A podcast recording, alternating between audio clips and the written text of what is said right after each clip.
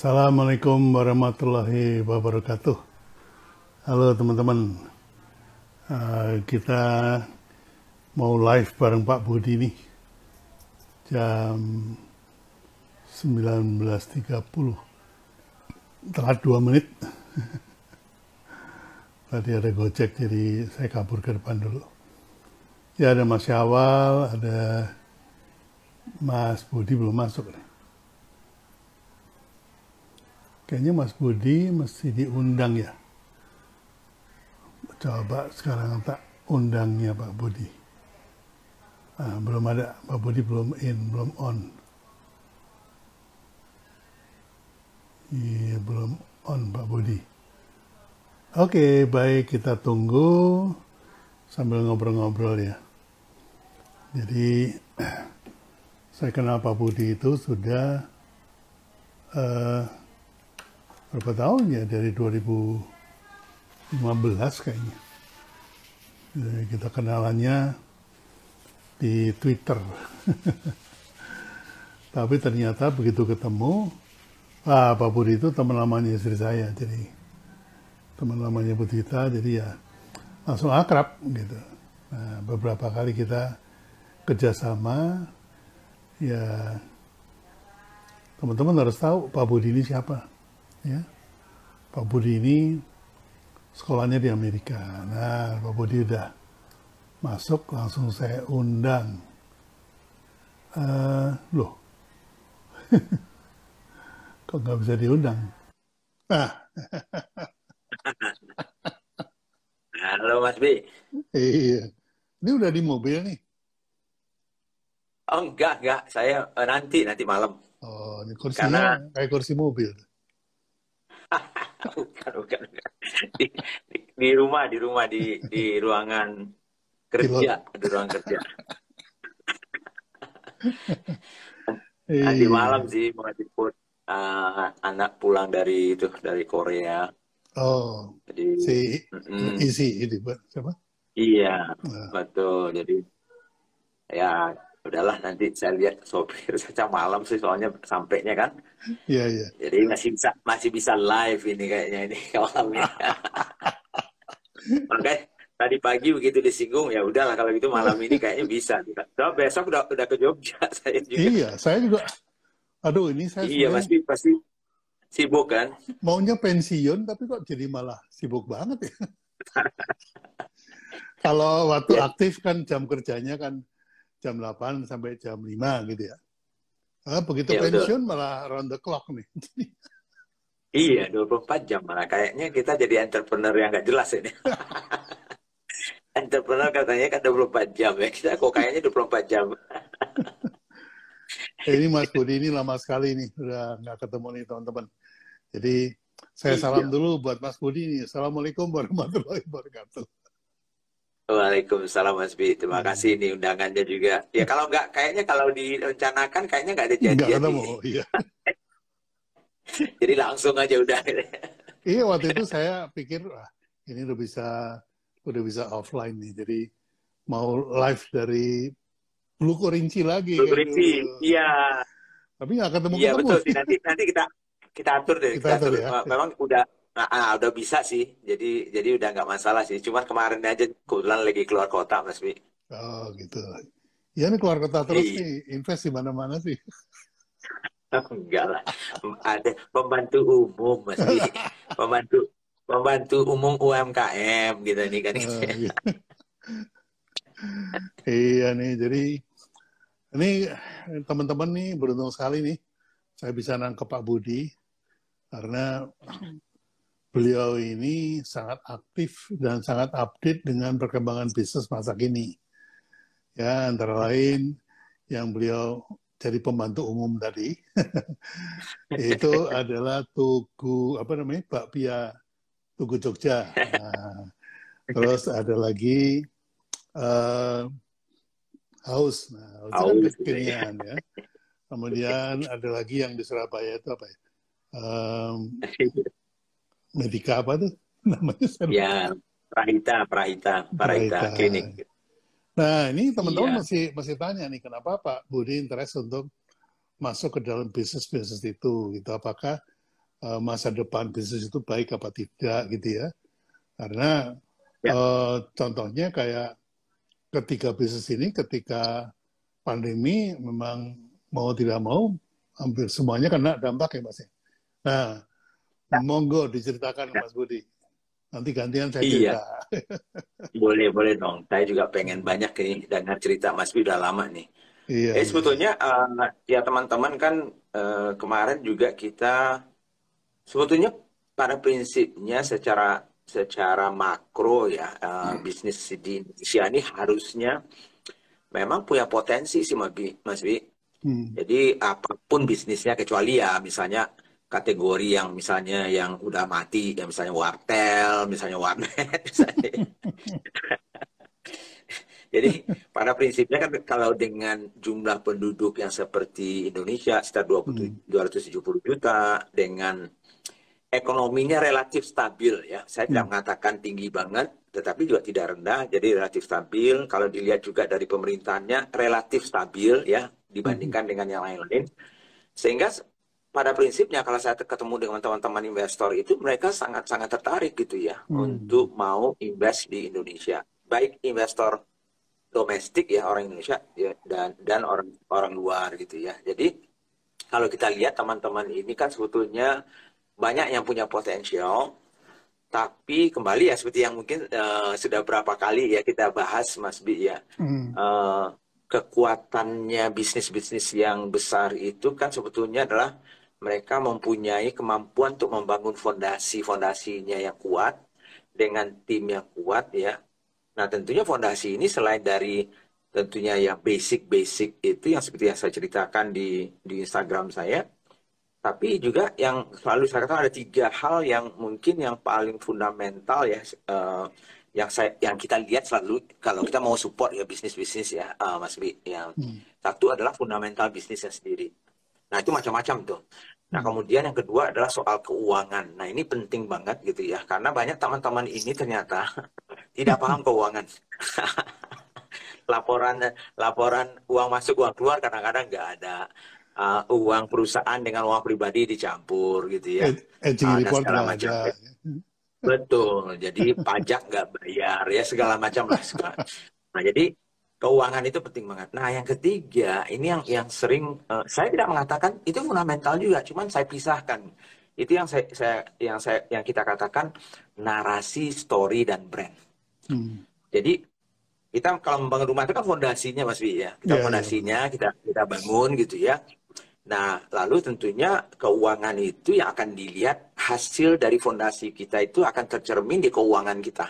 Hmm. Bagus atau tidaknya profit atau tidak, uh, cash flow kita bagaimana. Nah, tapi untuk membuat dia sustainable selain dari fundamental tadi, sustainable itu berarti jangka panjang. Hmm. Berarti kita harus punya story narasi yang pas, menarik, compelling istilahnya ya, compelling story hmm. lah ya. Hmm. Yang dibangun itu menjadi membangun sebuah brand itu. Jadi kalau Mas hmm. Bila yang yang jagonya soal itu ya, tapi hmm. tiga itu yang fundamental yang menurut saya kalau kita mau menilai secara umum tiga tiga hal itulah yang mungkin yang kita lihat. Nah, banyak sekali bisnis teman-teman ini kan sebetulnya ada yang e, narasinya bagus, ya kan ya, potensial untuk dikembangkan menjadi sebuah brand yang bagus gitu. Ya. Tapi fundamentalnya berantakan gitu ya. Hmm. Ada yang bagus, salesnya cepat banget setahun dua tahun e, bagus banget, tapi timnya nggak kuat sehingga dia ambruk gitu ya. Hmm. Ada juga yang malahan salesnya bagus, misalnya uh, kemudian tadi itu uh, narasi story-nya potensial sekali menjadi sebuah brand yang kuat tapi keuangannya eh, nggak uh, ada tadi aja baru sore ini kita cerita ada di, ada dua perusahaan yang sudah punya cabang hampir empat ratusan hmm. tidak punya laporan keuangan Mas dan ini brand yang sudah dikenal orang loh hmm. Nah, jadi jadi ini contohnya. Nah, kemarin minggu kemarin saya kan ada uh, camp road to IPO itu. Hmm. Nah di situ juga kita membahas kembali tiga pokok itu. Jadi kalau kita mau melihat itu selain dari yang selalu saya cerita ya uh, smart business map yang yang selalu kita uh, cerita ya sama Mas Bi ya ada 12 hmm. pertanyaan itu menjadi yeah. sebetulnya semacam checklist lah untuk saya kan hmm. kan ya. Checklistnya itu Nah, itu checklist ini ini bagaimana pertanyaan nomor satu, nomor dua, tiga. Lalu ya dikelompokkan menjadi tiga bagian itu kan itu ya. Nah, paling, bagian fundamental. Paling tidak lah ya, keuangan. paling tidak.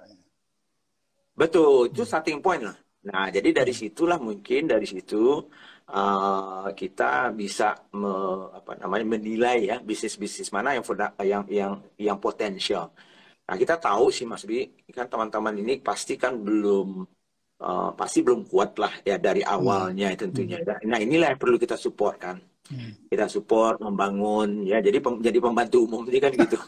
uh, kita kita menjadi supporter supporter tukang tepuk tangan ya yeah, yeah. ada yang sudah siap malah dilepas gitu mas Bi ya ada mm -hmm. tuh ya ya kita juga sudah siap dilepas misalnya ya mereka sudah oh kayaknya sudah sudah cukup lama nih kita membantu mereka kemudian mereka juga sudah bisa berdiri mungkin mm. orang-orangnya juga sudah profesional finance-nya mm. sudah sudah rapi nah itu ya monggo kan itu ya mm. kita malah itu yang kita harapkan ya, gitu sebetulnya yang dibahas Pak Budi itu adalah uh, starting the game sama the end game kan gitu ya. Jadi ya. teman-teman itu bikin usaha itu yang bikin gitu aja, nggak direncanakan. Ini mulainya kapan, pertumbuhannya gimana, terus endingnya mau ya. apa gitu kan? Ending itu macam-macam, bisa dijual sekaligus karena mau pindah ya. ke jalur lain, atau di IPO kan, atau cari investor Betul. gitu. Nah, ini Betul. yang selalu saya ingatkan teman-teman. Biasanya kalau UKM itu memang, oh nanti saya wariskan. Wah, kalau wariskan nggak ada end game-nya. Iya. itu nggak menarik. Itu. Iya. Buat investor nggak menarik. Ya. Ada kemarin lucu juga itu. Uh, jadi waktu kita uh, di camp uh, Road to IPO itu kan uh, teman kita, partner kita yang menceritakan uh, dia investor ya kita ajak real investornya untuk hmm. memberikan pandangannya mereka juga kan jadi jangan hmm. dengar dari saya aja gitu ya kalau enggak itu kan benar ini bohong bau di ini jadi jadi dengar kan? Nah salah satu poinnya waktu itu ingat banget membuat shock teman-teman itu gitu.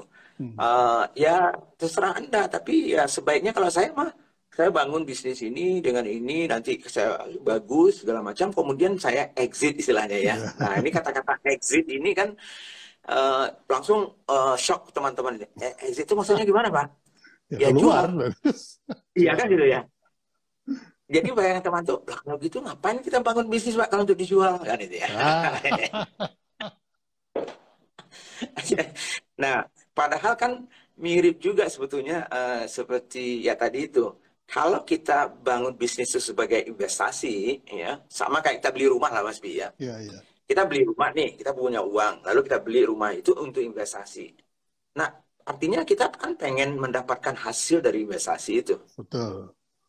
Nah, hasilnya kalau jual beli rumah itu kan ada dua hasil yang bisa kita dapatkan. Satu adalah misalnya rumah itu kita bagusin, kita sewain. Hmm. Nah, menghasilkan uang rental misalnya. Nah, yeah. itu semacam dividen lah istilahnya kalau di dalam perusahaan itu. Yeah. Jadi setiap tahun dapat dividen kan itu ya. Tapi kalau rumah itu kita jaga, kita bangun terus fondasinya, mungkin kita buat story-nya, hmm. kan gitu ya. Yeah. Ceritanya, wah ini dulu Presiden Soekarno pernah ini megang pintu yang ini dulunya. segala macamnya ya. nah, sehingga iya selama lima ya. tahun rumah itu misalnya satu miliar kita beli dulunya, lima tahun kemudian ternyata harga pasarnya sudah lima miliar. Kalau nah, dijual. jadi itu namanya kalau dijual. Betul, kan valuasi namanya ya, Betul. itu yang valuasi namanya. Jadi hmm. kalau dinilai, kita tanya nih ke orang-orang, property agent lah misalnya. Hmm. Eh, hey, property agent, lu nilai dong, gua, gua punya rumah kira-kira berapa sih sekarang pasarannya? Hmm. Nah, lalu tentunya ada kriterianya tempatnya, bentuknya. Oh, 5 miliar sekarang. Padahal modal kita waktu itu belinya satu miliar. Nah, kita sudah dapat dividen nih dari rentalnya tadi itu ya. Hmm. Rentalnya katakan 100 juta selama lima tahun, berarti 500 juta kita dapat dari dividennya aja. Yeah. Tapi yang paling besar sebetulnya untungnya kita itu adalah capital gain. Hmm. Dari kenaikan harga rumah tadi yang 1M jadi 5. Berarti selisihnya ada 4M dong. Yeah. Nah, itulah kata X itu. Jadi kita hanya bisa menikmati yang 4M itu kalau dijual. Kalau dijual. kalau diwariskan enggak. Diwariskan ya kita nggak dapat nikmatnya. Ya yang dapat nikmatnya tentu anak kita ya. Ini, Paling yang didapat rentalnya ya. aja kan gitu. Ini saya pernah ngalamin ini mas. Jadi uh, dulu dulu kan saya punya BNB advertising, eh, sorry, hotline advertising ya. Hotline advertising ya, itu uh, tumbuhnya pesat sekali gitu. Sampai kita menang, ah. yang terakhir itu tahun 2000-an itu menangani McDonald Asia Pasifik. Jadi sampai ya, ke Filipina, Malaysia, kemudian Thailand gitu ya. Itu menarik ya. menarik uh, agensi besar dari dari Amerika gitu ya. Nah, mereka ya. menawar untuk 51 persen itu dia mau beli 51 persen dan ya. dia hargai waktu itu 10 juta dolar gitu. Nah, ya. cuman karena saya itu mentalnya masih kampung gitu ya. Wah, ini kalau saya wariskan ini anak saya nanti di di, di diajak lari ini habis nanti anunya share-nya yeah. gitu. Nah, Betul. terus saya tanya sama anak-anak. Dulu anak-anak juga masih kampungan juga, jadi akhirnya wah kita tolak nggak jadi dibeli, nggak jadi dijual. Ya. Padahal yeah. mas itu gainnya besar sekali kan pada waktu itu. Pasti. 10 juta Pasti. dolar di tahun itu uh, sama dengan 150 miliar dolarnya. Ya, modalnya 15. berapa mas? Modalnya berapa coba? Nggak pakai modal, boleh dibilang ya modalnya saya aja. Iya, ya katakanlah misalnya 100 juta lah misalnya, tapi 10 juta, 100 juta nggak sampai, rupiah. Mas, tapi... saya, seingat saya itu uh. saya dikasih dikasih modal sama Pak Yogi yang punya Kopiko itu 20 juta Betul. dipinjemin tuh. Sampai sekarang belum saya yeah. balikin. 20 juta ditawar 150 miliar loh. Kok saya yeah. nggak kok yang nggak mau gitu loh. Saya nyesel itu. Karena apa? Ilmu saya ya. belum nyampe, Mas. Nah, ini saya ya, bayangin ya. teman-teman UKM ya kayak gitu lah ya. Kira-kira sama noraknya mas saya gitu. ya betul. Jadi uh, ya Mas Kiti Mas Bi katakan tadi itu saya tidak mengatakan harus ya. Hmm. Uh, dan juga menjualnya juga tidak harus juga 100% misalnya oh. kalau mau. Yeah. Tapi kalau misalnya nggak mau pun ya boleh aja asal tadi itu rentalnya dan hasil dari rumah itu sendiri cukup untuk kita. Ya. dan kita merasa udah ya udah nggak apa-apa juga tapi se Cuman, sebetulnya kan bisa oke okay, kita undang investor masuk kita jaminannya adalah 51% saham dengan syarat boleh di buyback nah, itu misalnya gitu kan bisa ya? Bisa bisa, bisa. banget bisa ya. banget. Jadi bisa. Nah itu juga uh, yang banyak sekarang ini kan yang kita ceritain lah di Instagram gitu kan yang yang startup startup gitu ya yang mulai uh, bukan berguguran sih mulai ada bermasalah hmm. berguguran dan segala hmm. macam itu ya bagi saya sih uh, startup tuh bagus ya menurut saya ya uh, karena teman-teman ini kita ajarkan juga bermental seperti startup teknologi seharusnya gitu hmm. ya karena kelebihannya mereka adalah mereka berpikir panjang, mereka Betul. punya rencana, mereka mau dan nah, cuman beda, bedanya itu mas, kalau hmm. startup itu kebanyakan yang ditekankan intrinsic value-nya kan. Sementara hmm. kalau bisnis itu kan real value-nya yang di, di jadi kalau dia bilang uh, nilai perusahaan saya ini 10 M ya 10 M-nya tuh ada gitu. Bukan cuma ya, ya. di pompa-pompa ya. aja jadi 10 M. ya itu udah game tingkat tinggi istilahnya ke saya yeah. bilang kan mungkin kalau kita bicara di sini mungkin uh, lebih sulit ya untuk dipahami yeah, ya yeah. karena itu kan gini, valuation game. Sim ya. Simpelnya gini, simpelnya gini. Uh, ketika Anda memegang uang 100 ribu, lembaran 100 ribu, itu real value-nya untuk mencetak uang 100 ribu itu paling-paling 5 ribu, Mas. Gitu. Ya. Nah, dari 5 ya. ribu ke 100 ribu itulah yang disebut intrinsic value. Ya. Nah, ini yang dibilang ya. Mas Budi tadi gorengan-gorengan itu. Iya, iya, iya. Jadi, nah ini yang juga saya bilang uh, cara pikir yang berbeda ya, bukan cara berpikir yang beda, mungkin zamannya juga sih. Hmm. Zaman kita dulu Mas Bi ya, yang intrinsik atau yang namanya intangible value ya. Hmm.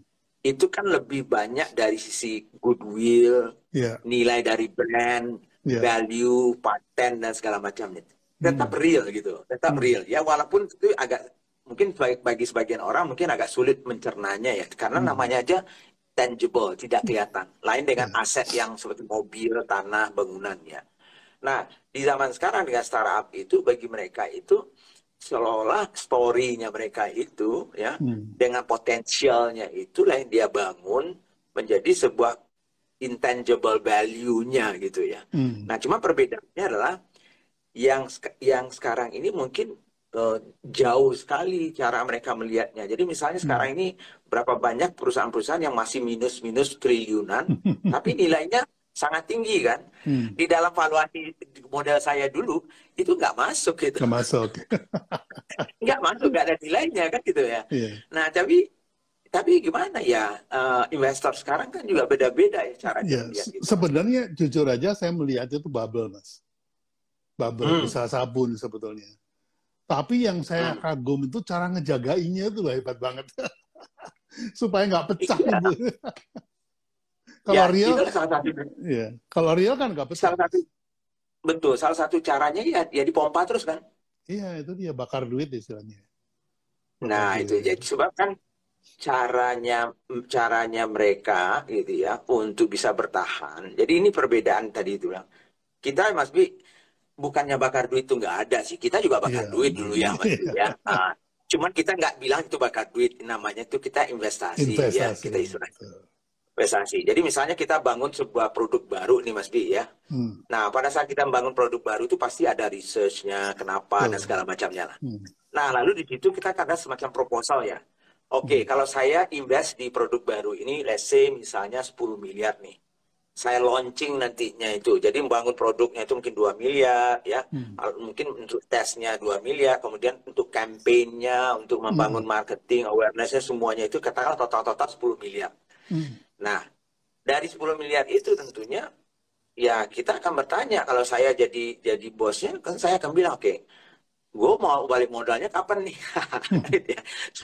jadi harus ada di dalam proposalnya itu bahwa oke okay, you invest ini, jadi kita buat produk baru ya.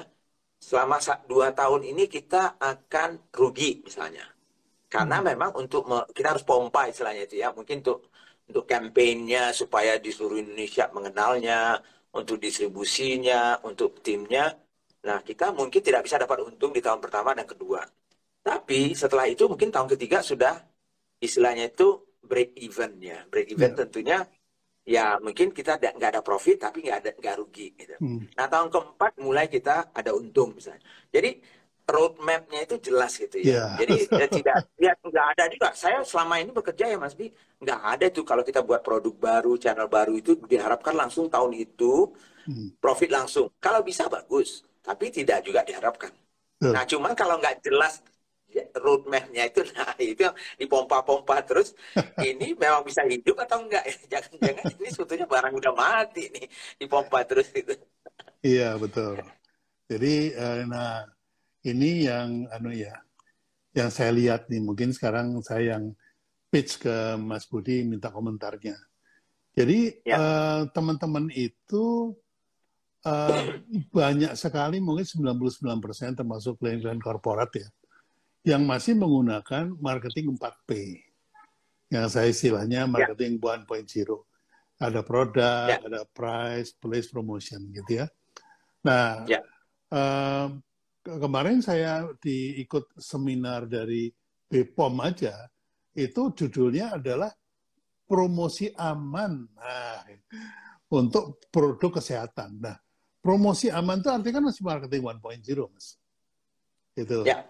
Nah, ya. ini yang yang uh, yang uh, untuk kalau BPOM itu untuk mengantisipasi teman-teman yang jualan produk, fokus pada produk, produknya dipuji-puji sampai lebih dari dari nilai aslinya. Nah ini ini diawasi sama BPOM. Over Jadi, over claim, eh, over, over claim, over claim, over claim. Jadi itu kalau di uh, uh, produk kesehatan kelihatan sekali. Nah, uh, kalau kita bicara brand, sebetulnya fokusnya pindah nih dari produk hmm. ke konsumen kan gitu. Konsumen punya ya. perilaku apa? Kalau Mas Budi istilahnya konsumen punya problem apa? Jadi karena produk kita ya. solusi ya. kan gitu ya. Nah, ya, itu betul. ada habit, ada ritual dan segala macam. Nah, Uh, ini yang kemudian saya sebut sebagai marketing 2.0 karena uh, mixnya udah lagi tidak 4P tapi menjadi 4C gitu. Dari kon, uh, consumer, kemudian price berubah jadi cost, kemudian uh, apa namanya distribusi itu menjadi convenience gitu ya. Nah, ini tahun 90 itu convenience store di mana-mana itu akibat dari marketing ya. 2.0. Kemudian yang terakhir promosi itu sudah ditinggalkan dan mulai dengan komunikasi. Nah, ini yang ya. yang ketika tahun 90 itu orang tidak aware itu ada perubahan, saya sudah masuk duluan di situ. Jadi dengan demikian eh, kebanyakan orang bilang, Pak ini bikin iklan. Enggak, saya nggak bikin iklan. Saya bikin komunikasi karena saya tidak menjual produk, tapi yang saya jual itu habit konsumennya gitu. Jadi apakah ya. habitnya ngopi, habitnya itu sarapan gitu ya, uh, termasuk. Uh, nah ini ini yang uh, lebihnya lagi adalah kita sekarang tidak lagi hanya uh, di marketing 2.0 yang fokus pada konsumen, tapi sudah naik ke marketing 3.0 di mana orang itu membeli produk kita untuk menjadi identitas diri kita. Gitu. Hmm. Jadi ya. uh, orang uh, misalnya gini, kalau saya mau masuk klub Harry Davidson, saya harus beli produk Harry Davidson dulu gitu. Nah, ini ya. di 3.0. Nah, lebih parah lagi kita sudah masuk 4.0 Mas di mana uh, ya. yang kita sasar itu gimana membangun sebuah tribes membangun para pembela, membangun para simpatisan, membangun uh, apa ya para pecinta produk kita gitu kan uh, dengan ya. mem mem memperkuat engagement. Nah ini kesenjangannya ya. luar biasa nih mas. Ya. Jadi ya. gara-gara banyak klien yang masih di marketing 1.0, saya digeret-geret supaya supaya bisa naik ke 4.0. Waduh, saya bilang ini. Nah, menurut Mas Budi di uh, lapangan ketemunya gimana? Iya, memang memang ya suka nggak suka ya Mas Ini kan uh, gap antara uh, pengetahuan teman-teman ya, dan juga implementasi sekaligus kemampuannya. Jadi nggak salah juga sih, kadang-kadang mereka memang jangankan marketing uh, one uh, uh, one point zero-nya yang satu ya one point zero aja belum tentu dilakukan gitu ya. hanya selling aja cukup yeah, dengan yeah, selling yeah. karena cuan cuan gue perlu cuan besok karena kalau gue gue nggak ada cuan besok gue nggak makan boro-boro mikirin lagi jadi malah di bawah itu lagi mungkin kadang-kadang ya banyak ya betul, jadi betul. memang minimal kalau saya sih melihatnya kan kita harus bisa mempelajari perbedaan-perbedaan tingkatan itu Mas Bi. Ya. Oh, betul. Jadi supaya kita paham nih. Pertama kita paham dulu kita hanya beradanya di mana sehingga pada saat kita pengen naik kelas itu pun juga kita tahu oh ini loh kenapa kenapa kita harus naik ke sini. Hmm. Nah sekarang kalau kita udah sini itu oh ini kenapa kita harus seperti ini ya. Jadi bisa juga bertahap. Jadi kalau kita tahu stepnya, laddernya itu ya tangganya yeah. itu. Hmm Tentunya akan lebih bagus Mas Bi. Ya, sebab kalau mereka langsung lompat ke 4.0 kan juga bisa babak belur kan ya langsung gitu ya. Masalahnya Mas, masalahnya. Ya. Ada satu yang urgensi banget. Yaitu mm -hmm. bahwa perilaku milenial itu 4.0 Mas. Masalahnya itu aja. Ya, Jadi, betul, betul. Um, milenial itu nggak percaya iklan. Milenial itu nggak percaya sama uh, produk yang superior gitu milenial hmm. itu percayanya kepada rekomendasi temannya. Jadi ya, kalau ya. temannya beli, dia beli gitu. Nah, itulah muncul kemudian para endorser-endorser yang para bintang itu. Yang sebetulnya ya. uh, kalau misalnya dia dengar siapa ada satu bintang film ngomong, pakailah produk ini. Terus dia tanya sama temannya, eh menurut lu bener apa enggak? Enggak tuh, ya berarti gua nggak beli gitu. nah itu yang sulit mas. Ya, ya. Yang betul betul. Gitu. Tapi menurut Mas Bi kan gini ya, artinya seperti yang kita kan sebetulnya laddernya hmm. tahapannya itu kan ada ya. Hmm. Tapi uh, kan teman-teman ini kan biasa lah uh, para entrepreneurs ini kan pengennya semuanya instan ya. Nah, cepat jadi ini. Generasi instan kan. Ya. Bisa nggak Mas Bi dari misalnya let's say dari 1.0 jadi kita mulai basic kembali hmm. kita ada hmm. produk ada price oke okay lah let's say kita sudah masuk ke tahap tapi hmm. oke okay, dengan kondisi sekarang seperti ini dengan pasar seperti ini dengan behavior konsumen yang milenial dan Gen Z ini seperti ini saya nggak nggak nggak mau nih uh, uh, uh, pakai tangga itu, saya mau lompat aja nih Ke langsung ke, ke 4.0. cara yang 4.0-nya itu. Bi- bisa nggak dilakukan itu? Bisa mas, bisa banget. Hmm. Karena medianya mendukung. Jadi Hmm. eh, tadi saya bilang bahwa kalau bicara iklan itu kan kontrol di tangan pemilik produk, gitu. Ya. Nah itu Ya. nggak nggak dibeli sama milenial mas. Milenial itu Ya. pengen denger cerita temannya dia. Jadi story Hmm. tadi udah betul, narasi udah betul, tapi bukan narasi tentang produk, tapi narasi tentang pengalaman. Nah, jadi Ya. eh, medianya tidak lagi media broadcast ya, misalnya kayak pasang iklan di TV, pasang iklan di radio, pasang iklan di di Facebook. Buk- sifatnya bukan broadcast. Pokoknya sesuatu yang datang dari pemilik produk dianggapnya ah bohong loh gitu. Hmm. Nah, oleh karena Ya. itu eh, yang kita harus manfaatkan adalah user generated content. Konten Ya. yang dibikin oleh para para user gitu. Nah, Ya. banyak yang jadi pura-pura nih, pura-pura user. Nah, jadilah itu buzzer yang dibayar gitu, Mas. Makanya buzzer itu efektif kerjanya. Karena apa? Karena dia mewakili kepentingan tadi. Tapi em, masalahnya adalah sekarang di sini, Mas. Kalau Anda mengharapkan user generated content, itu artinya kan konsumen suka-suka dia ngisi bikin ceritanya. Nah, betul. ini jadi sapu lidi nih, Mas. Jadi lidinya berantakan gitu karena karena versinya Ya, ada seribu versi kan. Nah, kita harus punya ikat harus punya ikatannya. Jadi eh, marketing 4.0 itu sapu nyere pegat simpai. sapu lidi berantakan karena ikatannya putus. Kita nggak mampu bikin ikatan. Nah, di situ Mas. Rahasianya Betul, di situ betul. sebetulnya. Jadi kalau kita bisa bikin ikatannya, wah mereka mau bikin cerita apa pun nggak masalah. Selama Ya. endingnya diikat oleh gantinya ngopi misalnya gitu. Ya, ya, betul. Nah, Mas Bi, tapi kan gitu ya. Mungkin uh, pertanyaan saya juga ya. Uh, kan dalam membangun narasi story-nya tadi ya, juga dengan brand itu kan. uh, ini saya kasih contoh banyak apa, uh, uh, apa pengalaman teman-teman yang saya hadapi gitu ya. Uh, hmm, Misalnya mereka kan jualannya lewat online. Ya. Kemudian dia pakai reseller kan gitu ya Hmm. contohnya ya. hmm, Nah, tapi dia nggak punya sebetulnya konsepnya story narasi yang sebetulnya yang ingin dia bangun itu eh, sehingga masing-masing resellernya itu akan mengkomunikasikan hal yang berbeda-beda. betul, Iya. betul. Nah, pertanyaannya adalah itu akan membantu atau merusak malah brandnya kita itu sendiri gitu.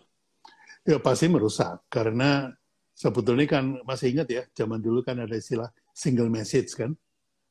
Nah Betul. kalau kemudian Betul. menjadi 1000 message kan pasti pasti nggak fokus. kan, gitu. Nah yang 1000 itu ya sekarang zamannya semua orang boleh ngomong kan. Cuma Ya. harus dibikinin relnya mas gitu. Ya, itu dia. Betul. Nah kalau relnya udah kita tentukan, ah kereta apa pun mau lewat silakan nggak masalah. Gitu. Ya, ya. Jadi Gitu. arti artinya artinya tetap saja ya kita juga harus bisa menciptakan secara kreatif apa pun itu ya Ya, uh, Ya. tempat mereka platform untuk mereka bisa mengkomunikasikan sehingga apa pun yang mereka komunikasi itu masih within the framework yang kita Exactly. inginkan juga untuk membangun Exactly. image-nya itu dari itu ya. nah Ya, ya, ya, ya. itu ekspertisnya nggak banyak mas. Kalau Iya, orang bikin, iya. orang bikin strategi itu banyak mas, strateginya Ya. bagus-bagus gitu ya. Nah begitu kemudian diimplementasikan, itu skillnya banyak yang bagus juga, bagus-bagus nih. Nah yang Ya. yang idol itu mas, orang yang mampu menerjemahkan strategi menjadi implementasi. Ini Ya. harus jam terbang mas. Ya, betul. Strategi bisnis oh, banyak yang bisa nulis mas. Nah, yang- kasih aja konsultan selesai itu. Ah, tapi yang bisa menerjemahkan strategi itu menjadi sebuah aksi itu nggak banyak. Ya. Nah, saya melihat kita ini sejenis di situ mas. Kita ini kita ini tukang menerjemahkan. Oh kamu gini-gini, oh harus gini, gitu kan? Ya, ya, ya, betul, betul. Itu di dalam di workshop uh, CEO development saya, hmm. itu kan uh, kita bicara kompetensi seorang CEO kan. Hmm. Nah, jadi kita bagi kelompok itu ada leadership, ada managerial, ada business skills, kemudian ada soal yeah. karakternya. Betul. Nah, salah satu yang di dalam managerial kompetensi itu, ya, itu adalah uh, membuat rencana strategis tadi itu. Hmm. Ya, itu ingat banget saya itu. Ya, jadi kemampuan dari seorang itu untuk membuat rencana strategis dan tadi itu menerjemahkannya menjadi actionable, ya kan itu ya, plan yang nantinya bisa dikomunikasikan dan dilaksanakan oleh tim bersama-sama. Jadi kadang-kadang kan menerjemahkan itu nggak gampang mas ya. Jadi iya, artinya uh, uh, ya bisa sih, tapi dan oh ini terlalu istilahnya itu kalau bahasa itu kalau strateginya bahasanya langit, begitu disuruh ke bawah nggak bisa diimplementasikan nggak ngerti orang di bawah itu masalah. Nah itu sama dengan masalah generasi ketiga mas. Oh gitu ya. Ketika founder itu masih punya value ya DNA-nya jelas itu. Misalnya saya ya. ini seorang inovator saya ini seorang yang kreatif maka anak hmm. saya anak saya generasi kedua itu masih ya. menyaksikan ya. bagaimana bapaknya bekerja dengan kreativitas dengan inovasi jadi dia masih memegang itu DNA dari bapaknya. Tapi ya. begitu anaknya dari anak saya atau cucu saya yang udah sekolah hmm. di Amerika, sekolah di Inggris gitu, balik itu ya. lepas mas ini, nggak nggak ya. nyambung DNA-nya. Nah, ketika ya. dia harus menerjemahkan uh, misi bapaknya, itu jadi berantakan tadi mas. Iya, nah, ya. Ya. Karena tiba-tiba bapaknya yang gaya solo gitu. Terus anaknya dipas-pasin sama ilmu dari Inggris gitu kan. Iya, iya. Bapaknya ya, maunya eksklusif, nggak buka cabang. Anaknya, oh harus franchise. Udah iya, iya, iya.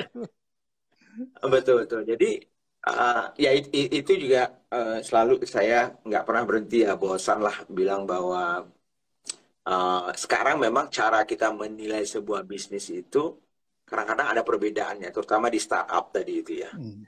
Tapi secara prinsip ujung-ujungnya cara kita memvaluasi itu sama, mas. Sama. Jadi kemarin itu kan, ya iya, karena mungkin mungkin menuju ke sananya mungkin berbeda-beda. Tapi coba aja lihat misalnya Apple misalnya ya, hmm. Amazon misalnya ya sekarang ini, let's say Microsoft dan segala macam yang yang top-top lima enam ya perusahaan-perusahaan teknologi itu hmm. yang menjadi pemain terbesar. Ujung-ujungnya kalau kita lihat di di keuangannya itu, kemudian kita valuasi, ya ketemunya tadi itu intangible-nya, brand-nya sekian gitu. Ya memang bernilai gitu ya. Betul. Apple itu ya, ya walaupun mungkin dulunya pernah juga bakar duit dan segala hmm. macam, tapi real dia bernilainya. Nah itu yang diharapkan sebetulnya oleh para investor. Mudah-mudahan yang startup startup yang yang udah terlanjur di, diberikan uang atau dibakar itu dia berharap untuk suatu saat menjadi seperti Apple, Microsoft, yeah. Facebook kan gitu ya. Itu ada satu keberuntungan tuh mas di Apple itu. Andai kata hmm. Steve Jobs tidak bosan jualan teknologi yeah. di Apple nggak akan sebesar ini. Yeah, Karena yeah, Steve Jobs betul. itu bosan kalau rapat itu yang diomongin itu uh, prosesor lebih lebih cepat, kemudian uh, apa namanya uh, hard disk yang lebih uh, memori yang lebih gede gitu. Ngomongin teknologi hmm. terus dia tuh bosan gitu. Masa ya. sih kita ngomongin teknologi terus itu kan produk melulu gitu loh. Kenapa kita nggak mau naik ke konsumennya? Konsumennya Apple itu siapa sih gitu? Jadi dia yang hmm. mem kemudian mempromosikan jangan jualan produk saya apa, tapi hmm. berpindahlah kepada konsumen dapat apa. Lebih bagus lagi ya. kalau konsumen jadi siapa. Nah, itu pemikirannya Steve Jobs seperti itu sehingga kemudian dia membuat kampanye think different itu, Mas. Jadi ya. Apple ya. itu hanya dipakai oleh orang-orang yang berpikir beda untuk mengubah ya. dunia menjadi lebih baik. Nah, ya. itu ya. yang kemudian membuat Apple menjadi tak terkalahkan. Ya, ya, betul. Betul. Mas Bi, kan ini juga ada ya. Uh, dulu kan pelajaran-pelajaran kita lah ya, bukan hanya bukan ini, ini bukan pelajaran di di apa namanya uh, bukan di pelajaran di sekolah ya kita artinya waktu waktu kita bekerja dulunya kan kita terus uh, juga belajar ya uh, hmm. dan selalu dulunya itu kan kita melihat sebuah brand ya uh, atau sebuah bisnis dan segala macam itu waktu mereka membangun itu selalu diceritakan zamannya dulu saya lah misalnya minimalnya. Hmm.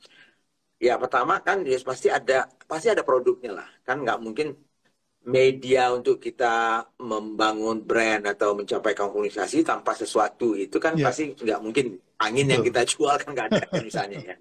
Berarti Betul. produk itu kan tetap ada. Dan biasanya dalam kita cerita membangun menceritakan produk itu mungkin dimulai dari fitur-fiturnya, yeah. uh, perbedaan-perbedaannya, yeah. bagusnya ini apa, kelebihan itu yang fitur ya Mas, functionality hmm. ya, fungsional ya Mas ya. yeah. basic lah itu. Nah, basicnya. Nah, tapi kan juga dulu juga kita diajarkan juga bahwa loh di, di, kalau itu ya dari sisi fungsionalnya itu kan bukannya enggak bukannya enggak enggak bukannya gampang sih tapi mungkin lebih mudah untuk ditiru orang.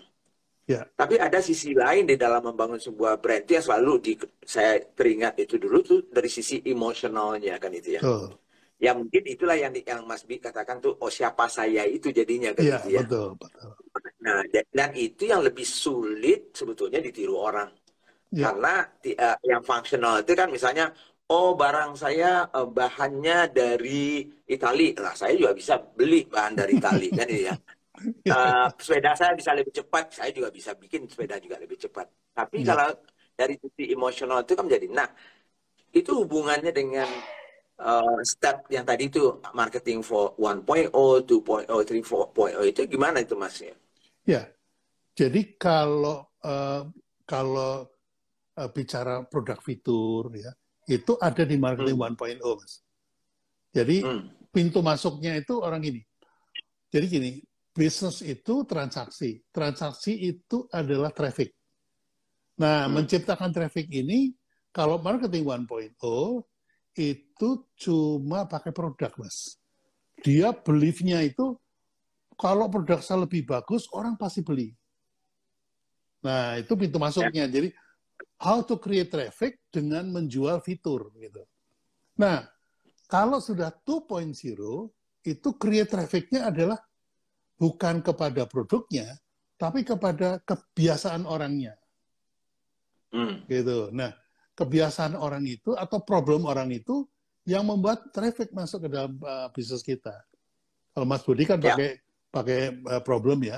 Kalau saya pakai perilaku ya. atau behavior. Nah, itu uh, Eh, perbedaan mulai jadi mulai marketing 2.0 sampai 4.0 itu itu sudah wilayah brand mas sudah bukan lagi hmm. wilayah produk ya gitu. ya produknya ya. hanya di marketing 1.0 ya betul betul nah kalau dilihat ini juga mungkin banyak juga teman-teman yang bertanya ya pak kan perusahaan-perusahaan startup teknologi itu ya kan ada juga yang sudah jadi besar ya uh, yang dulunya startup teknologi, kemudian dia menjadi uh, apa namanya menjadi besar gitu ya. Hmm. Tapi mereka mungkin kita karena kita nggak di dalamnya kita juga nggak tahu gitu. Tapi kan uh, mereka membangun brand itu sendiri atau tidak ya? Karena seolah-olah mereka tuh punya punya duit ya. Uh, dibakar itu untuk ngasih diskon, uh, free ongkir, ini itu ada nggak menurut Mas itu yang di mana startup startup itu sebetulnya mereka ini kayaknya dia mereka juga membangun brand sebetulnya ya sehingga nantinya suatu saat akan menjadi the real business yang di mana dia hmm. punya ada produknya tapi juga ada intangible brandnya sendiri gimana yeah. menurut Mas ini startup yang teknologi yang sekarang ya yang menurut saya yeah. gitu uh, kalau menurut saya uh, sebuah produk yang memiliki perbedaan itu punya potensi untuk jadi brand Ya. Gitu. Kalau dia itu sama, berarti produk generik. Gitu. Ya, komoditi ya. Komoditi. Nah, problem ya. teman-teman UKM itu adalah kalau saya mau bikin mie, maka desainnya harus mirip Indomie supaya ya. dia diterima di dalam kategori itu, gitu. Hmm. Berani nggak uh, lebih dari Indomie? Nggak berani, Pak. Gitu. Nah, ini ya. problemnya ya. problem mental, bukan problem produk ya. atau problem apa-apa Ya. pengetahuan ya, lebih ke sana. Jadi jadi kalau menurut saya eh, para startup itu punya perbedaan-perbedaan. Ada yang spesialisasi jualan tiket, tapi juga PPOB gitu ya. Ada yang Ya. spesialisasi eh, hotel ya, tapi juga PPOB gitu. PPOB-nya sama gitu. Pe- Pembayaran listrik, pembayaran telepon, pembayaran Ya. apa namanya PAM gitu ya. Itu sama, Ya. tapi ada bedanya nih. Saya khusus eh, apa namanya jualan rumah kos, nah gitu. Maka Ya. ketika dia mempunyai perbedaan yang sulit diikuti oleh eh, pesaing, itu udah jadi brand, mas. Ya. Udah jadi brand. Ya. Nah, ini juga ada beberapa pertanyaan Mas. Kalau saya lihat juga di, di selama ini di kelas-kelas kita lah juga Hmm. ya, mungkin di di bisnis forum dan segala Hmm. macam. Membangun brand itu lebih mudah mana? Kita kategorinya yang spesialis atau kita kategorinya yang generalis? Ya. Jadi eh, gini, kalau saya membayangkannya gini, di kacamata orang brand, otak konsumen itu kayak filing cabinet, Mas. Hmm. Kayak filing cabinet. Nah, filing cabinet itu terdiri atas eh, 10 laci, ada ada 100 laci, itu mewakili yang namanya produk kategori. Ya. Nah, produk kategori itu alhamdulillahnya kita dikasih Tuhan otak yang bisa mengingat ribuan kategori, Mas. Ya. Sate, ini sate ayam. Oh, ini sate kambing. Oh, ini sate. Itu dari generik sate aja sudah beda tiga. Kategorinya langsung Betul. beda. Nah, eh, kalau kita tarik sebuah laci, Ya. misalnya laci fast food, eh, restoran fast food, maka di dalam itu ada beberapa produk yang sudah masuk, beberapa merek yang sudah masuk. Gitu. Ya. Itu kemampuan manusia untuk mengingat merek dalam Ya. laci itu hanya tujuh, Mas. Maksimum. Ya. Rata-rata itu lima. Ya. Jadi, eh, apa yang terjadi di la- dalam laci itu? Kelima atau ketujuh merek itu berlomba-lomba untuk menjadi top of mind, Mas. Ya. Ah, menjadi top of mind. Sehingga eh, untuk menjadi top of mind, dia nggak bisa jadi general, generik lagi. Nggak bisa generalis. Awalnya generalis di laci yang sama. Misalnya fast food, oh sama. Tuh. Oh ternyata Ya. begitu masuk lagi ke dalam, oh be- ada bedanya juga nih. Fast food yang satu Ya. menit, nah itu hanya McD. Sehingga dia menjadi top of mind gitu. Nah satu Ya. menit itu kemudian bisa menjadi brand. Makanya kemudian Ya. lahirlah tagline yang bunyinya mana lagi selain di McD yang Ya. bisa satu menit delivery itu. Nah ini Ya. eh, rutenya seperti itu mas. Jadi kita nggak bisa nggak bisa lepas dari kita ini masuk generik kategori apa sih gitu. Itu pertama. Ya. Nah kalau sudah top of mind dan itu sudah jauh bedanya dari dari pesaing, maka dia bisa menciptakan laci baru, mas. Ya. Di Ya. mana di situ dia monopoli. Ya, itu Ya, kan berarti kita yang menciptakan kategori baru kan gitu ya. Ya, spesialis itu menjadi. Ya, betul, betul. Ya, kalau kalau kita kan biasanya dalam kita membangun brand atau membuat produk itu kan sendiri kan kita tahu bahwa secara berpikir manusia ini kan awalnya biasanya kan di kategori ya Mas ya. Betul, betul. Jadi misalnya saya lapar, saya mau minum. Minum itu kan Hmm. kategori ya minuman Ya, kan gitu ya. minuman, betul. Nah, nanti baru subkategorinya minuman apa nih kan gitu ya. Hmm. Nah, kan jadi artinya ujung-ujungnya memang eh, bisnis itu memang harus clear juga ya kategorinya ya. Karena Betul. karena bagi saya banyak sekali teman-teman ini kalau ditanya kategorinya apa sih? Mereka sendiri nggak ngerti. gitu. Jadi kalau kategorinya sendiri nggak tahu dia, lalu bagaimana caranya kita membangun gitu ya Ya. komunikasi itu di itu kita sendiri nggak tahu kategori kita apa gitu. Kalau Mas Budi ingat itu di 15 langkah itu, kalau nggak salah langkah keempat itu eh, bagaimana kita memisahkan diri dari dari rombongan dalam kategori yang sama itu dengan kata yang, Mas. Masih ingat ya? Ya, betul. Minuman betul. yang. Nah, ini. Betul. Minuman betul. yang. Kalau yangnya betul. itu tajam, tiba-tiba kategori sendiri, Mas. Orang betul. mau masuk nggak bisa itu, nggak bisa. Masuk laci betul. aja nggak bisa, udah. Nah, betul, betul. Contohnya yang saya buat itu Kopiko ya. Kopiko itu kan uh, permen yang gantinya ngopi. Itu ya. permen kopi yang lain mau masuk ke ganti ngopi nggak bisa, Mas. Karena itu ya. sudah sudah ownable by Kopiko gitu. Ya, nah, itu ya, ya. ini yang uh, ya eksklusifnya seperti itu ya kalau kalau mau bikin brand ya jangan tanggung ya. Uh, karena ya. begitu pakai yang itu ada tiga hal yang termasuk di dalamnya mas.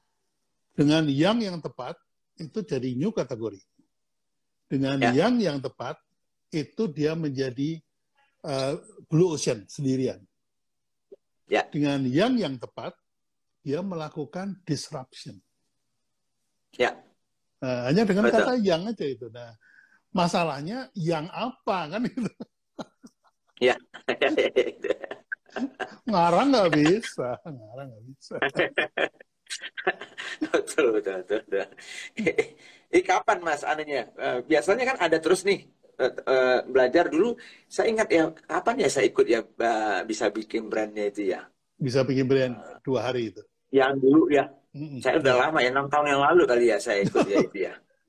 dulu iya. dulu dua hari itu hari pertama belajar bikin brandnya yang 15 langkah ya. itu. Hari kedua itu adalah skillnya mas copywriting, hmm. kemudian Betul. bikin jingle, kemudian bikin video. Tapi ya. begitu saya nyemplung lama-lama kok saya lihat ini pemahaman tentang marketing aja masih masih berantakan akhirnya saya bikin workshop yang saya robah mas. Hari pertama okay. itu adalah tentang marketing, branding dan selling. Hari kedua okay. baru fokus pada brand. Gitu. Ya, ya, ya. Yang seperti yang yang kemarin itu ya berarti ya, yang, yang seperti yang terakhir ya. Betul. Oke, oke. Nah, jadi jadi lebih lebih lebih mudah mereka mengikuti alurnya ya. Betul. Nah, yang paling anu yang paling mengagetkan Mas, mengagetkan itu. Hmm. Teman-teman tuh banyak fasih sekali ngomongin tentang bagaimana membangun brand atau branding ya. Ada yang ya. brand positioning, ada yang tagline, ada yang copywriting, ya. ada yang pakai fotografi dan segala macam. Tapi ya. ketika ditanya tujuan Anda bikin brand itu apa, itu nggak bisa jawab loh. Ya. hmm. ya, ya. Nggak bisa jawab. Ya. Yang barusan saya ceritakan, laci itu kan ada di benak konsumen ya. Jadi itu tujuannya Betul. adalah bagaimana kita uh, monopolistik atau melakukan disrupsi terhadap kategori yang sama.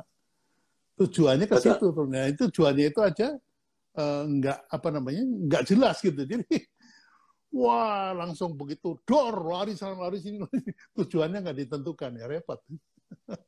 Ya ya ya ya betul. Jadi ya saya saya tetap uh, selalu mengingatkan juga teman-teman kalau kita bicara bisnis sekarang sebetulnya basic basicnya nggak nggak berubah banyak ya mas. Jadi makanya di Instagram saya pagi tadi saya bilang ya dari dari zaman nenek-nenek Nabi Adam pun juga profit itu adalah revenue dikurangi cost.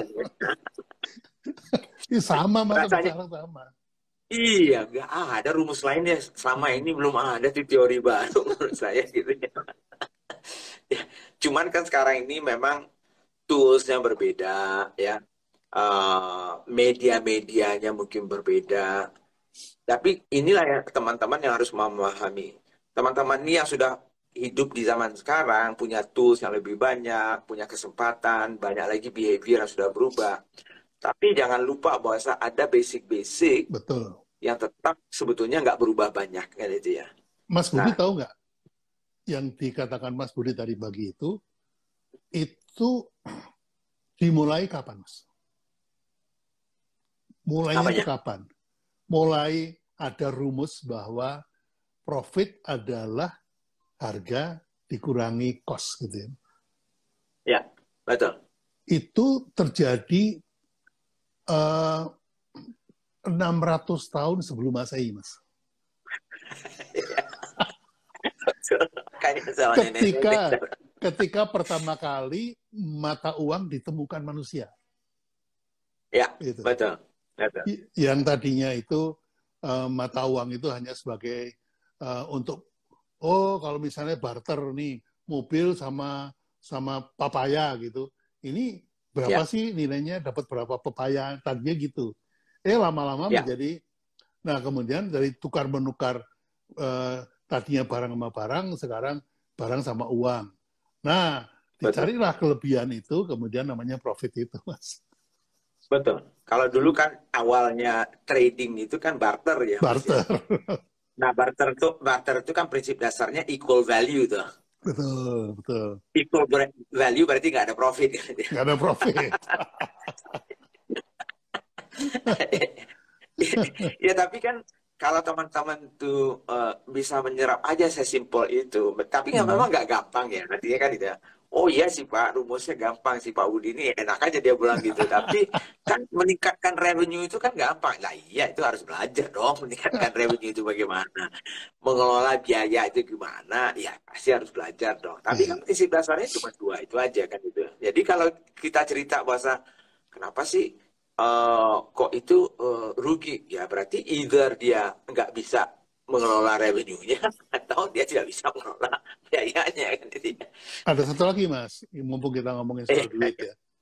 Jadi yeah. banyak teman-teman yang tidak memperhitungkan teks. Ya, sehingga ya, betul. begitu begitu dikurangi cost itu teksnya nggak masuk dalam cost sehingga profitnya itu dimakan teks. Betul. Makanya Dan, pentingnya tax planning itu di situ, Mas. Betul, betul. Itu banyak sekali terjebak teman-teman Mas Bi. Hmm. Jadi pada saat mereka menghitung, jadi ini juga waktu saya dengan Heldi ya waktu itu kan, hmm. dia kan akuntan tuh ya orang stan dulunya ya. yeah. Nah jadi waktu kita podcast berdua itu kan dia bilang, uh, Mas Budi katanya, itu aku ketemu loh orang dia orang keuangan tapi hitung HPP aja masih salah gitu. nah jadi artinya apa? Banyak teman-teman menghitung HPP aja salah. Belum hmm. lagi tidak dimasukkan unsur misalnya ada pajak nantinya ada segala hmm. macam. Sehingga pada saat mereka mau menjual itu, ini contohnya yang saya nggak ngerti saya ya. Dan itu mungkin uh, yang yang sampai sekarang ya, misalnya di di online bisnis gitu ya. Online bisnis itu karena mereka banyak misalnya menggunakan reseller ya atau hmm. apa pun namanya hampir rata-rata teman-teman itu memberikan istilahnya itu margin ya komisi atau apa pun namanya itu antara 20 sampai 40 persen mas. Hmm, betul. Itu kan gede banget kalau di zaman kita ya. Artinya bagi saya itu sinting juga ngasih segitu kan itu ya. Sa saya, saya ngasih distributor saya paling 6 persen, 7 persen, hmm. itu pun sudah mau kan gitu ya. Hmm. Nah, cuman kan artinya apa? Kalau harga kita 100 gitu ya, kita sudah ngasih 40 gitu ya. Kalau HPP kita misalnya itu 50, berarti tinggal sisa yang 10. 10 itu cukup nggak menutupi biaya-biaya yang lainnya. Kalau nggak kan boncos kita. Betul. Belum lagi kalau ada pajaknya yang 10% PPN Betul. atau ada segala macam. Nah jadi kadang-kadang karena nggak paham, jadi pokoknya oh karena gua harus jualan, karena permintaan teman nih reseller tuh, oh, pokoknya gua dapat 30 ya udah gua kasih aja gitu. Hmm. Nah sehingga di, di situ lama-lama akhirnya ya oh baru baru ternyata kalau kalau dia misalnya harus saya kasih 30 ujung-ujungnya mereka bilang untuk dapat untung saya naikkan harga kan gitu. Hmm. Padahal harga itu kan nggak boleh sembarangan ya. Itu ada pricing strateginya kan gitu ya. Nggak bisa. Karena saya pengen untung saya naikkan harga. ya kalau value-nya ya nggak sama dengan yang diberikan dengan harga ya ya nggak laku lah barangnya misalnya betul, kan itu. Betul. Ya memang betul mas. Jadi Uh, kalau zaman kita dulu, Mas, itu istilahnya distributor itu cuma geser barang. Ya, betul. Mindahin barang betul. aja. Nah, kalau betul. sekarang ini, reseller itu punya pasukan, Mas. Ya, betul. Yang hanya nurut sama dia. Dan betul. siapa pasukan atau siapa pembelinya itu, itu pemilik barang nggak boleh tahu. Lampus kan yang punya brandnya. itu keluhan zaman sekarang kayak gitu, Mas. Semua orang datang ke saya, banyak yang datang ke saya. Iya. Pak Bi, saya minta dibikinin brand supaya konsumen yeah. saya loyal ke brandnya, bukan loyal ke resellernya. ini gimana sih? Kok jadi bulat nih? Iya, iya, iya. Iya. Ya mudah-mudahan mudah-mudahan teman-teman ini ya paham ya dari pembicaraan kita malam ini berarti Iya, uh, betul. banyak hal-hal yang basic yang harus kita perbaiki, belajar terus ya. Uh, saya tiga aja pesan saya tadi itu kan ya fundamental itu harus dikuatkan. Kalau mau belajar itu ada smart business map, ada yang Hmm. lain-lain terserah ya. Uh, kemudian Mas B itu tadi itu ada financials ya yang harus dianukan. Kemudian narasi, story dan membangun brand itu penting karena tetap aja bagi saya value nantinya yang tertinggi itu biasanya adalah yang intangible itu. Jadi mudah-mudahan Nah. teman-teman yang mau belajar itu itu Mas ya. Ya, nah karena Mas Budi menyinggung tentang tentang intangible, maka saya kasih garis bawah itu adalah intellectual property. Itu Ya. eh, eh, kekayaan eh, apa ya namanya? ya? Eh, intellectual property ya. Jadi, Ya. nah intellectual property itu kalau yang kita kenal kan cuma satu, mas, mereknya dihakikan, terus kemudian eh, produknya dipatenkan, cuma dua itu. Padahal ada Ya, lima, ya. mas, ada lima. Ya. Sampai Ya, ide saja, rahasia saja itu bisa memiliki nilai. Nah, Betul. Ini juga saya saya kepengen anu nih kepengen bikin workshop khusus tentang Hmm. IP protection gitu Ya. Inter, in- uh, intellectual property protection setelah itu Ya. silakan go public nah kalau nggak IP-nya aja nggak diamankan nggak ada payung hukumnya gimana mau go public kan itu Ya, nilainya nggak ada. betul Betul. Nilainya nggak ada sih Mas. Oke. Mas, Iya. aku harus jalan nih Mas. Sudah jam yes 20.34 ya. Terima Udah kasih banyak nih kesempatannya sama Mas B. Ini kayaknya eh, harus lebih rutin kita Ya, sama teman-teman ini supaya teman-teman ini kita jaga lah supaya masih tetap bisa ide-ide yang bagus itu bisa berkembang Mas.